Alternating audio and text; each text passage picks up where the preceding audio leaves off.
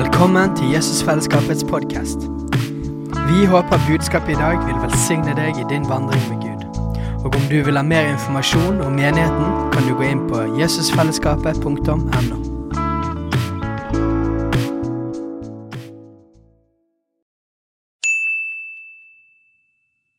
Hei! Visste du at Jesusfellesskapet starter en ny bibelskole til høsten? Den heter Jesusskolen og starter den 3. september. Gå inn på jesusskolen.no for mer informasjon. Tusen takk for det. Veldig fint å være her.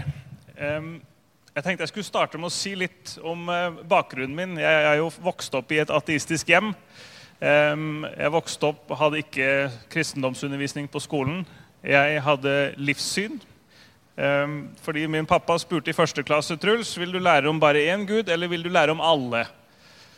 Og da svarte jeg jeg tror jeg vil lære om alle. Det, det, det virka som det var det han hinta til da han spurte meg om det spørsmålet. Jeg vokste opp, jeg kjente ingen kristne. Jeg visste ikke om noe kristent. Det eneste jeg lærte, var at de som tror på Gud, de er tullinger.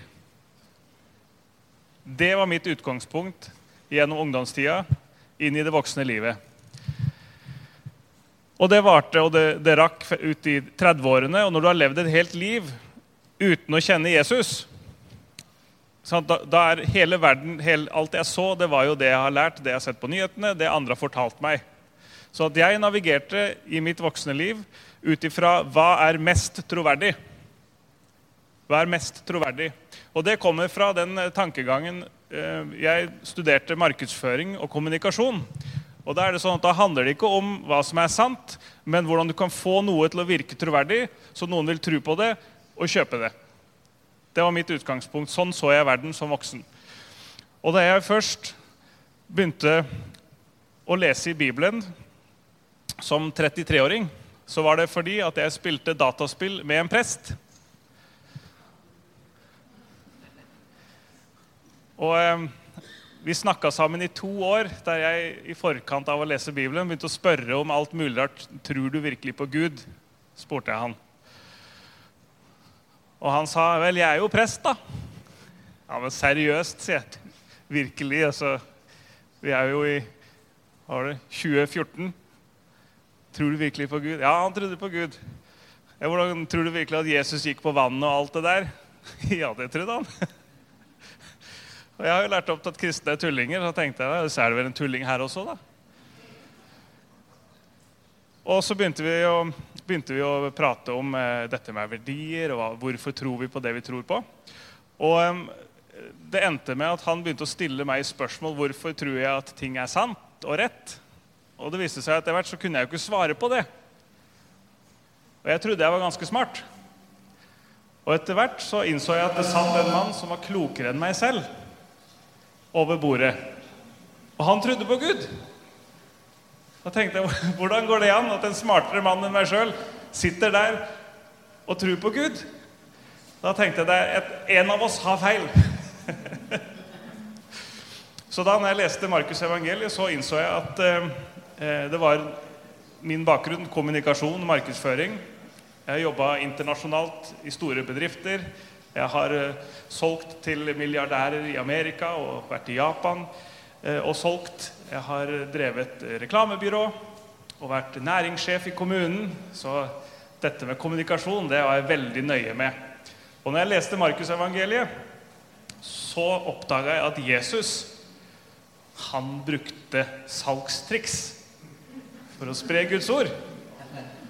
Og det var fordi det første jeg lærte på BI i 2005 om markedsføring, det var et case om Levis, klesmerket Levis.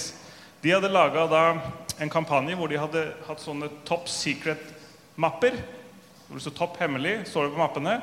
Og så hadde de putta kolleksjonen sin som skulle komme inn i den.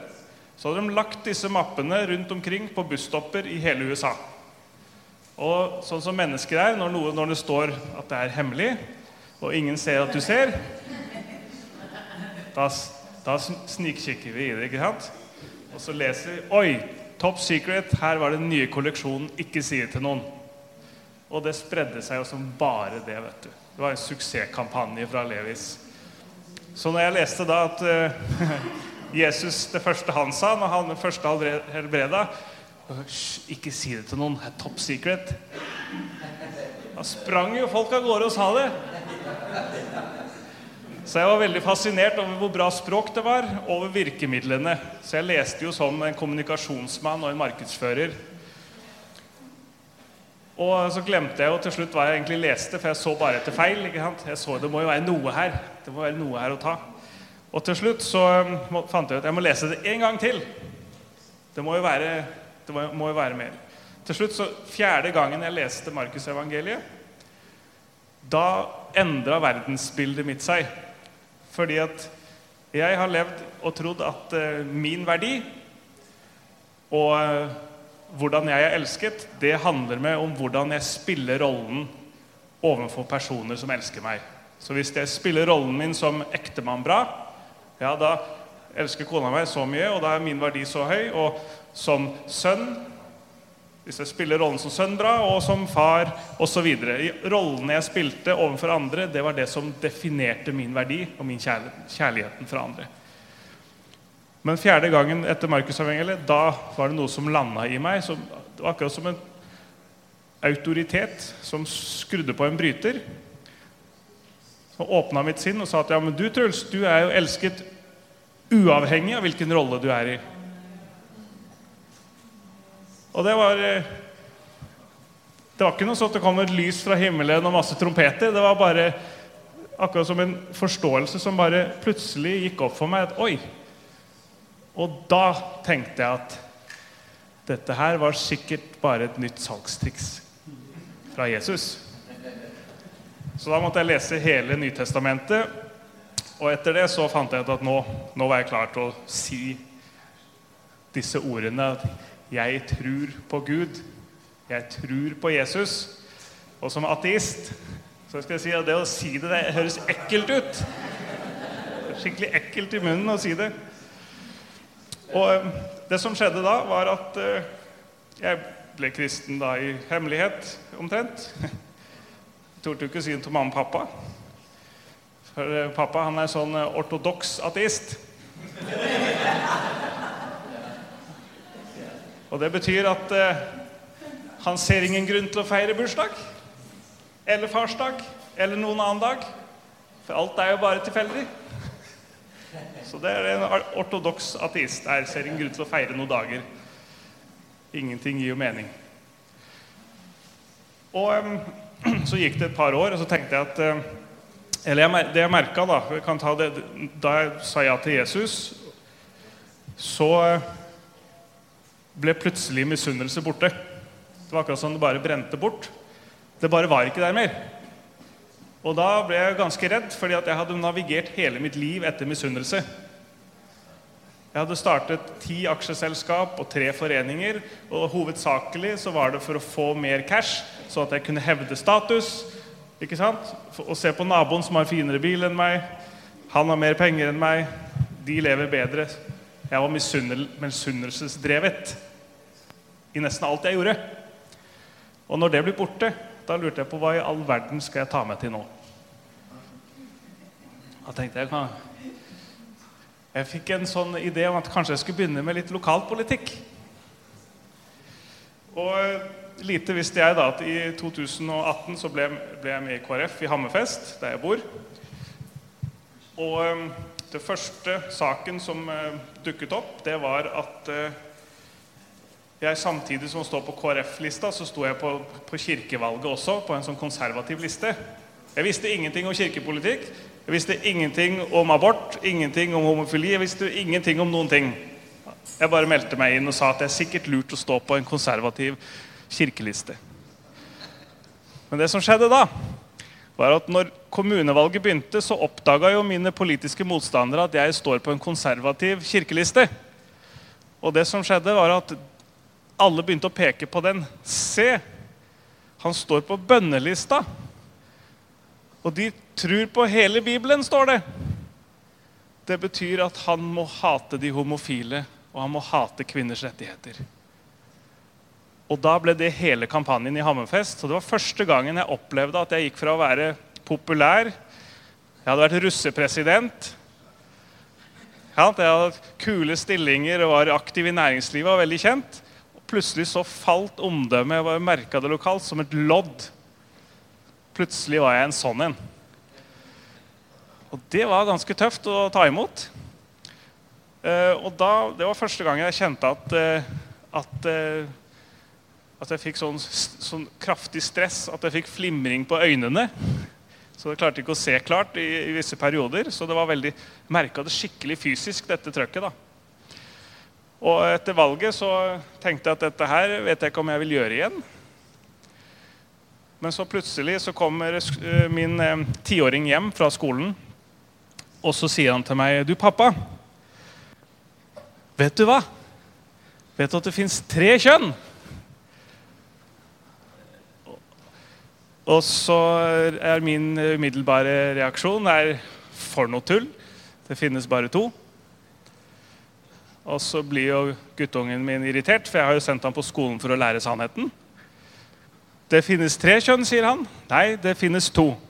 Og vi krangler frem og tilbake. Og så tenker jeg han, han, blir så oppgitt, for han sier at ja, men jeg har lært det på skolen fordi Skeiv Ungdom har vært der og sagt at det finnes hen.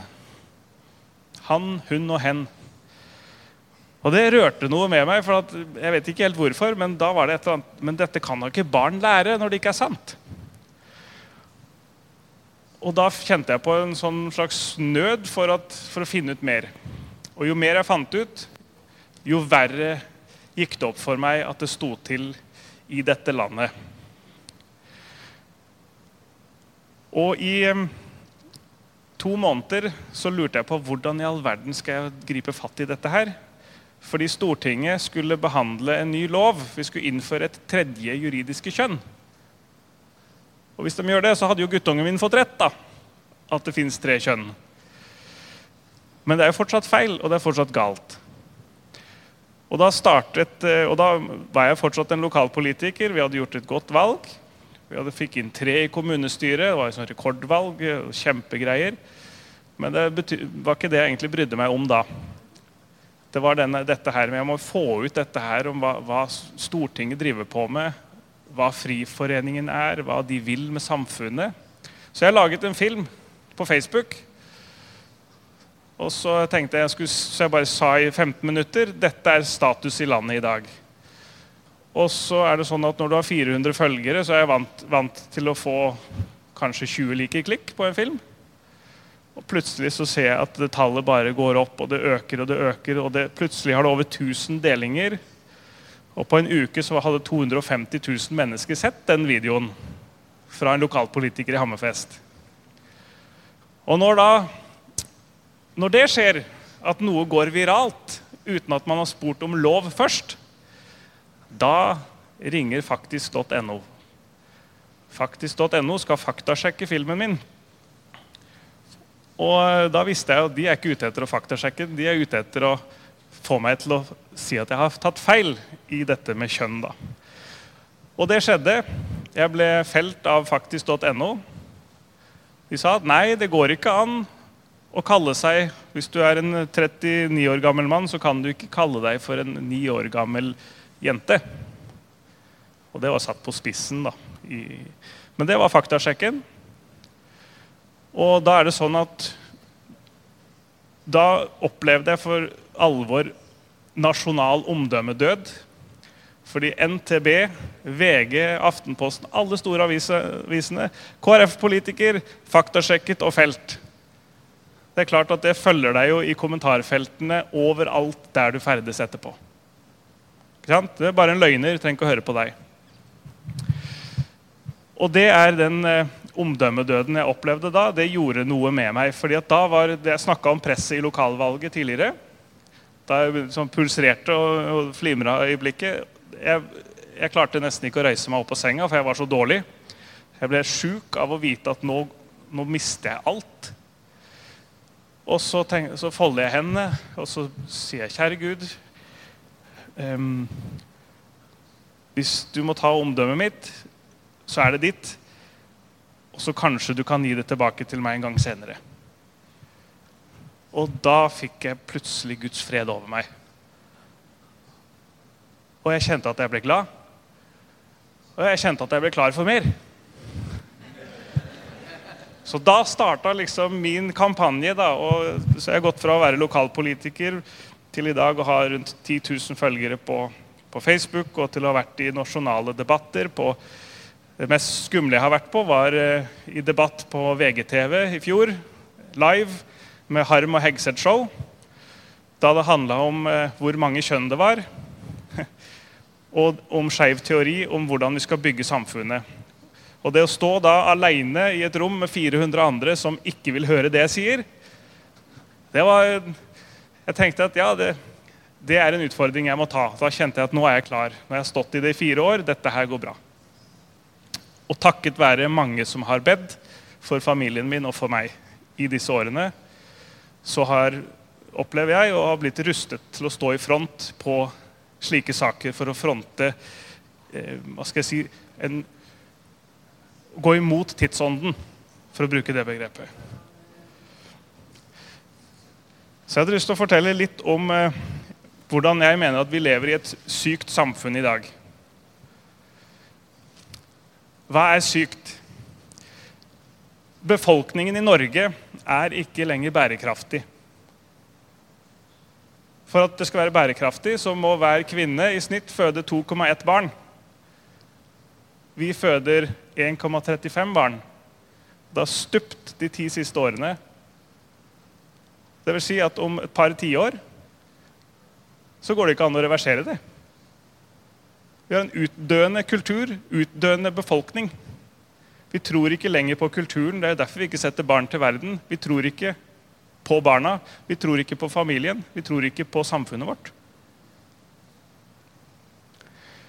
Og det jeg ville si, var noe om toppen av isfjellet på denne sykdommen i samfunnet. Det er løgnen om kjønn. Så det er den villeste løgnen man kan tenke seg. Eller så, I en sammenligning da, om tvilen som skal til for at det skal være mulig å fortelle noen at kanskje er du faktisk født i feil kropp. Hvis vi sammenligner det, det første som sa noe i Bibelen, det var slangen. Og det første slangen sa, det var at tvilen sa virkelig Gud. Ikke sant? Det var en tvil. Og så, når I Matteus 28 så, sier, så møttes disiplene på fjellet for å tilbe Jesus. Men noen tvilte. Han Jesus foran seg, disiplene var der og tilba han, men noen tvilte da også. Så tvilen var der òg.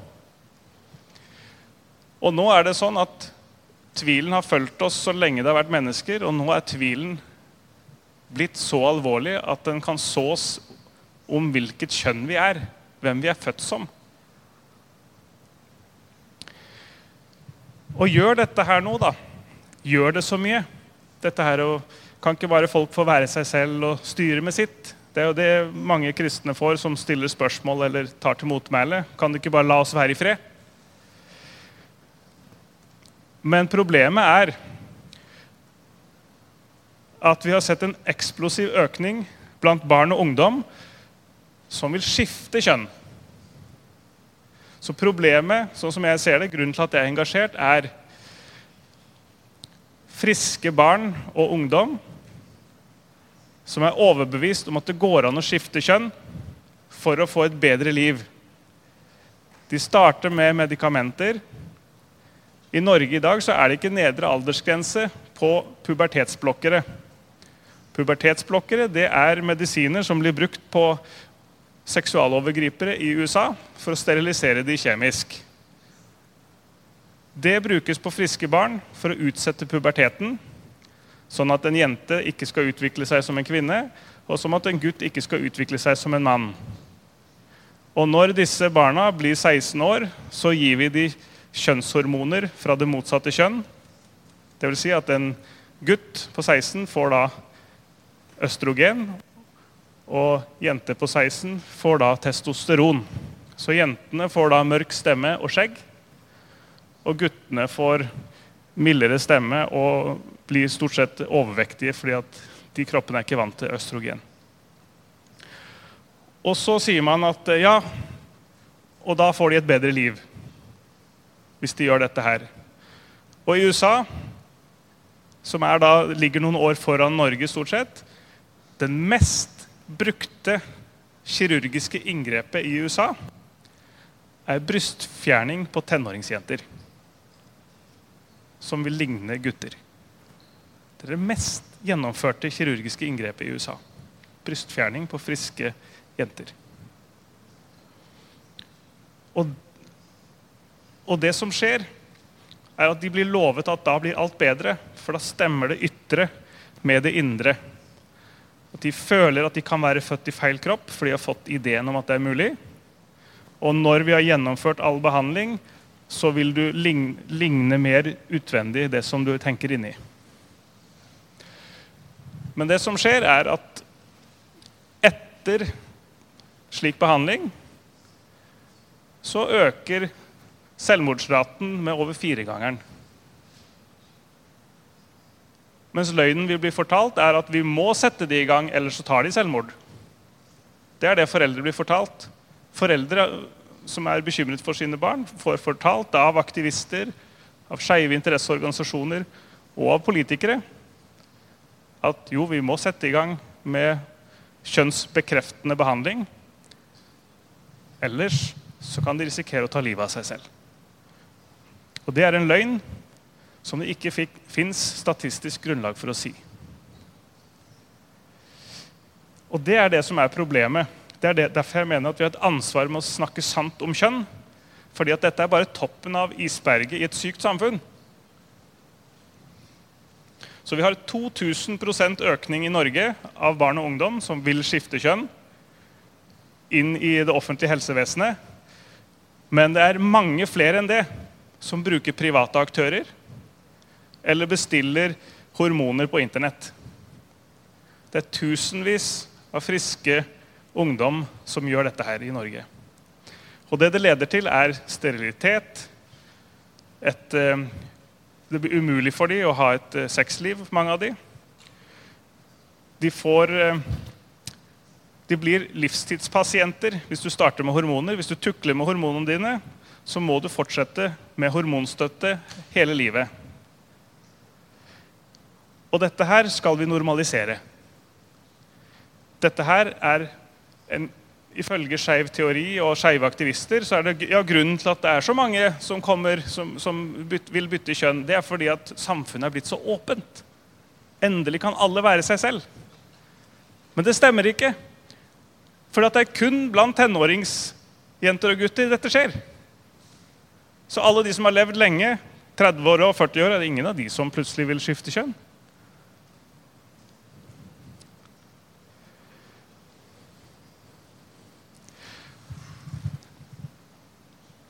Og når man da ser disse konsekvensene Når jeg ble klar over at det ikke finnes medisinskvitenskapelig faglighet som grunnlag for å igangsette dette her, så ble jeg helt rysta. Fordi i norsk helsevesen så er det vitenskapelig krav om at hvert eneste inngrep skal være vitenskapelig, medisinsk vitenskapelig forankra. Unntatt når man skifter kjønn. Fordi at vi har kjøpt teorien, ideen om kjønnsidentitet, fra skeiv teori fra sexologer som laga denne teorien på 50- og 60-tallet. Uten at den noen gang har fungert, så er den blitt adoptert inn i samfunnet. Og styrende for at det norske samfunnet legger til grunn at kjønnsidentitet hvis, hvis en gutt sier at 'jeg er jente', da er de jente. Og Dette har forplanta seg inn i lovverket, så i 2013 da var det første gangen kjønnsidentitet kom inn i lovverket.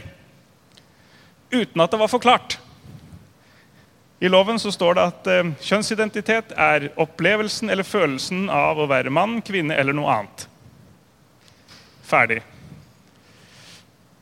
Så dette har det aldri vært offentlig debatt på, så ingen som egentlig har fått det med seg heller.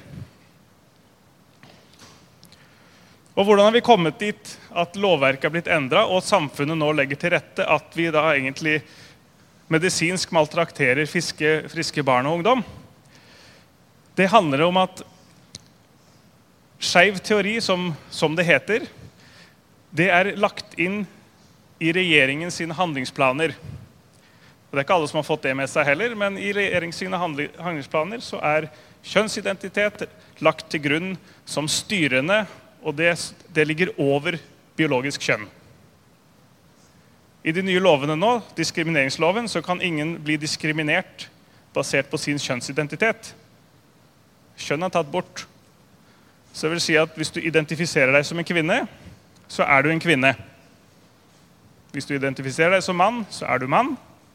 Hvis du identifiserer deg som ikke-binær, så er du ikke-binær. Og hvis du identifiserer deg som noe helt annet, så er du noe helt annet. Og ingen skal kunne diskriminere deg på den identiteten du velger skal passe deg. Det står med loven, da er det straffbart med fengsel hvis man diskriminerer på det. Er det noen som vet hva dragshow eller drag queens er? Noen som vet det, ja? Det er da f.eks. en drag queen, en mann som kler seg ut som en overstereotyp kvinne med masse sminke og masse hår og trange klær og ter seg som en eh, overdimensjonert kvinne. da. Aftenposten ringte meg på tirsdag den uka som var her, og spurte om eh, hva jeg og sånne som meg syns om at eh, det skal være dragshow i barnehager og på barneskoler. Fordi det nye nå er at eh, man skal ha det som heter story hour. Eventyrstund med drag queens. Der drag queens kommer inn i skolene i Norge og barnehagene og skal fortelle eventyrer med en skeiv slutt. Og da spør jeg jo journalisten hva hun mener om hva Hun spør hva, hva frykter dere? Hvorfor vil ikke dere ha det inn? For jeg sa at dette her hører ikke hjemme i, for barn. Hva frykter vi? spurte journalisten da. Så sier jeg at Spørsmålet er jo helt feil. Det handler ikke om, handler ikke om hva vi mener om, eh, om eh, dragshows, eller hva vi mener om barn som vil kle seg ut. Spørsmålet er hvorfor vil absolutt drag queens ha små barn som publikum? Hvorfor, vil, hvorfor er små barn et ønsket publikum fra dragartister? Nei, det var jo fordi at eh, barna må få, eh, må få se mer mangfold. Barn må få se mer mangfold, sånn at de kan se at man kan være seg selv sånn som man er. Ikke sant? Så at man kan lære hva kjønn kan være. Og, og da blir det sånn at Når journalistene da formidler dette her det var jo for Den samme journalisten hadde skrevet en firesiders reportasje i Aftenposten Junior. En avis skrevet spesielt for barn. Fire sider med dragshow for barn, der 13 år gamle Jeppe var drag queen. Og 13 år gamle Jeppe hadde fått hjelp av en mann, mannlig dragartist, som han kalte for sin dragmor. Og Da sto det anbefalt i artikkelen dersom du har lyst til å bli drag, så går det an å finne seg en dragmor du kan bli kjent med, som kan hjelpe deg med å sminke deg og kle deg og finne din identitet som drag.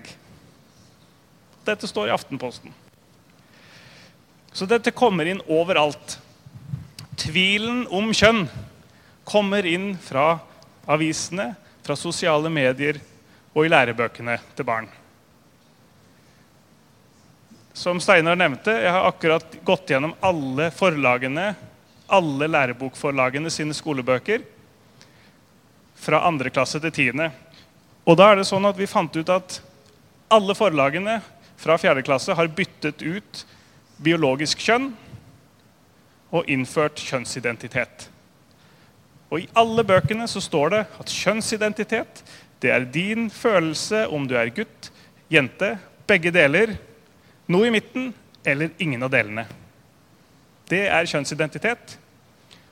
To av forlagene forteller at det er en menneskerettighet at du som jente eller gutt kan velge å definere ditt eget kjønn. Det har ikke foreldrene noe med. Bare du vet hvem du er, står det i lærebøkene.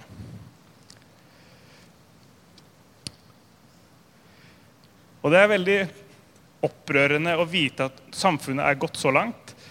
Det er eh, skeive interesseorganisasjoner og det er skeive aktivister, det er politikere.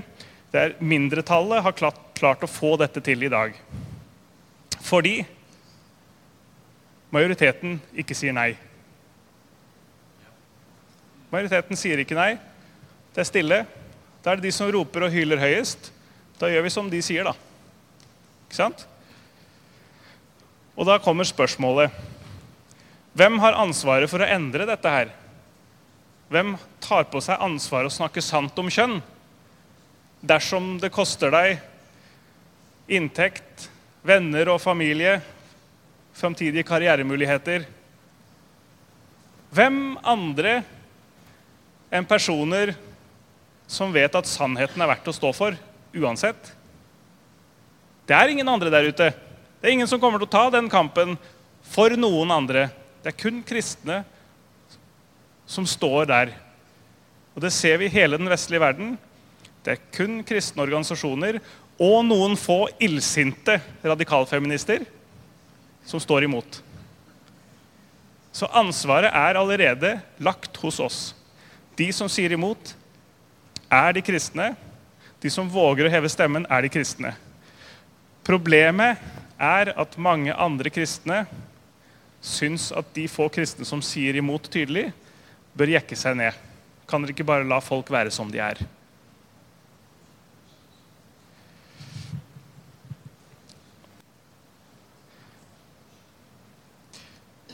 I en av skolebøkene fra Aschehoug så står det i eh, åttende klasse, nei, unnskyld, for åtteåringer så står det at det kan være vanskelig å vite hvilket kjønn man er. Det kan ta tid å finne ut, står det. Men vit at du kan være hva du vil. I læreveiledningene Lærebøker det er det barna får. Men i læreveiledningene som lærerne får, så står det barna skal vite at de kan være hva de vil, og at det er mange alternativer å velge mellom. står det i lærerveiledningene. Så lærer, lærerne er instruert til å fortelle, formidle kjønnsidentitet som en ny sannhet.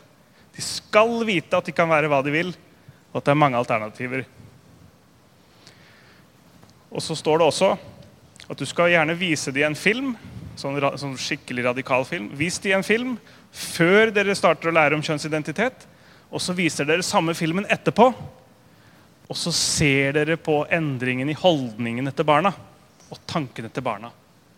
Og hvis man går på Store norske leksikon og søker opp indoktrinering, så står det en endring av holdning, holdninger og tanker basert på gjentagende kommunikasjon om et tema. For å få de til å endre bevisst holdning og handling. Som kanskje kan være ugunstig. Og det er det som skjer. Så indoktrinering er et ord det går an å bruke. Og denne indoktrineringa, for å stå imot den og for å ta tilbake denne disse hva skal jeg si, rivende tankebygningene da, Det er et ord som kristne kanskje kjenner igjen. Rivende disse tankebygningene, det er blitt vårt ansvar. For vi har jo fått da sannheten om kunnskapen om Gud til å rive ned disse tankebygningene. Men det går ikke annet hvis ikke man uttaler det og sier det. På foreldremøtet så er det ingen andre enn du som kommer til å sitte der. Det er ingen andre som kommer til å si noe hvis dette blir tatt opp. At nå skal vi lære sånn og sånn om kjønn. Det er kun de kristne foreldrene som vil ta ordet først. Hvis ikke så blir det helt stille. Det er unntakene i så fall hvis noen andre tar ordet. I eh, boka til eh, Emanuel Minos, det har ringt for tredje gang, den heter, ja. så sto, var det et avsnitt jeg leste. Der sto det at det er vår tids martyrium å bli kalt bakstreversk, mørkemenn, kvinnefiendtlige, homofober og transhatere. Det er vår tids martyrium i den vestlige verden i dag vi trenger ikke å være redd for å bøte med livet. Men omdømmet vårt, det må du regne med kan gå tapt. Inntekten kan gå tapt. Men det er et offer. Det er vår tids martyrium for å stå for sannheten, for å tale sant. Og vi kan gjøre det for sannheten sin skyld og alle de små barna sin skyld, som skal vokse opp i dette samfunnet der kjønn er snudd på huet. Så spoler vi 10 eller 20 år frem i tid uten at noe endrer seg. Så vil du ha en hel befolkning som ikke vet hva kjønn er lenger. Og når man kan så tvil om kjønn og hvem man er, og det skal være en menneskerettighet å definere seg selv, da setter man seg selv som Gud. Så det er vår jobb. Og det er ingen andre som kommer til å ta den. Snakke sant om kjønn i vår tid, det kan koste, men det er vi som må ta den jobben. Takk for meg. Hei, alle sammen. Det er Katrine og Steinar Lofnes her. Vi er hovedledere for Jesusfellesskapet. Så kjekt du har lyttet til denne podkasten. Har du forresten hørt noen av de andre podkastene våre? Ukens tale, Disippelskolen, Hyrdepodden, Kulturkrigen og Mammas hjerte. Du finner disse podkastene på Spotify, Apple Podkaster og på nettsiden vår jesusfellesskapet.no.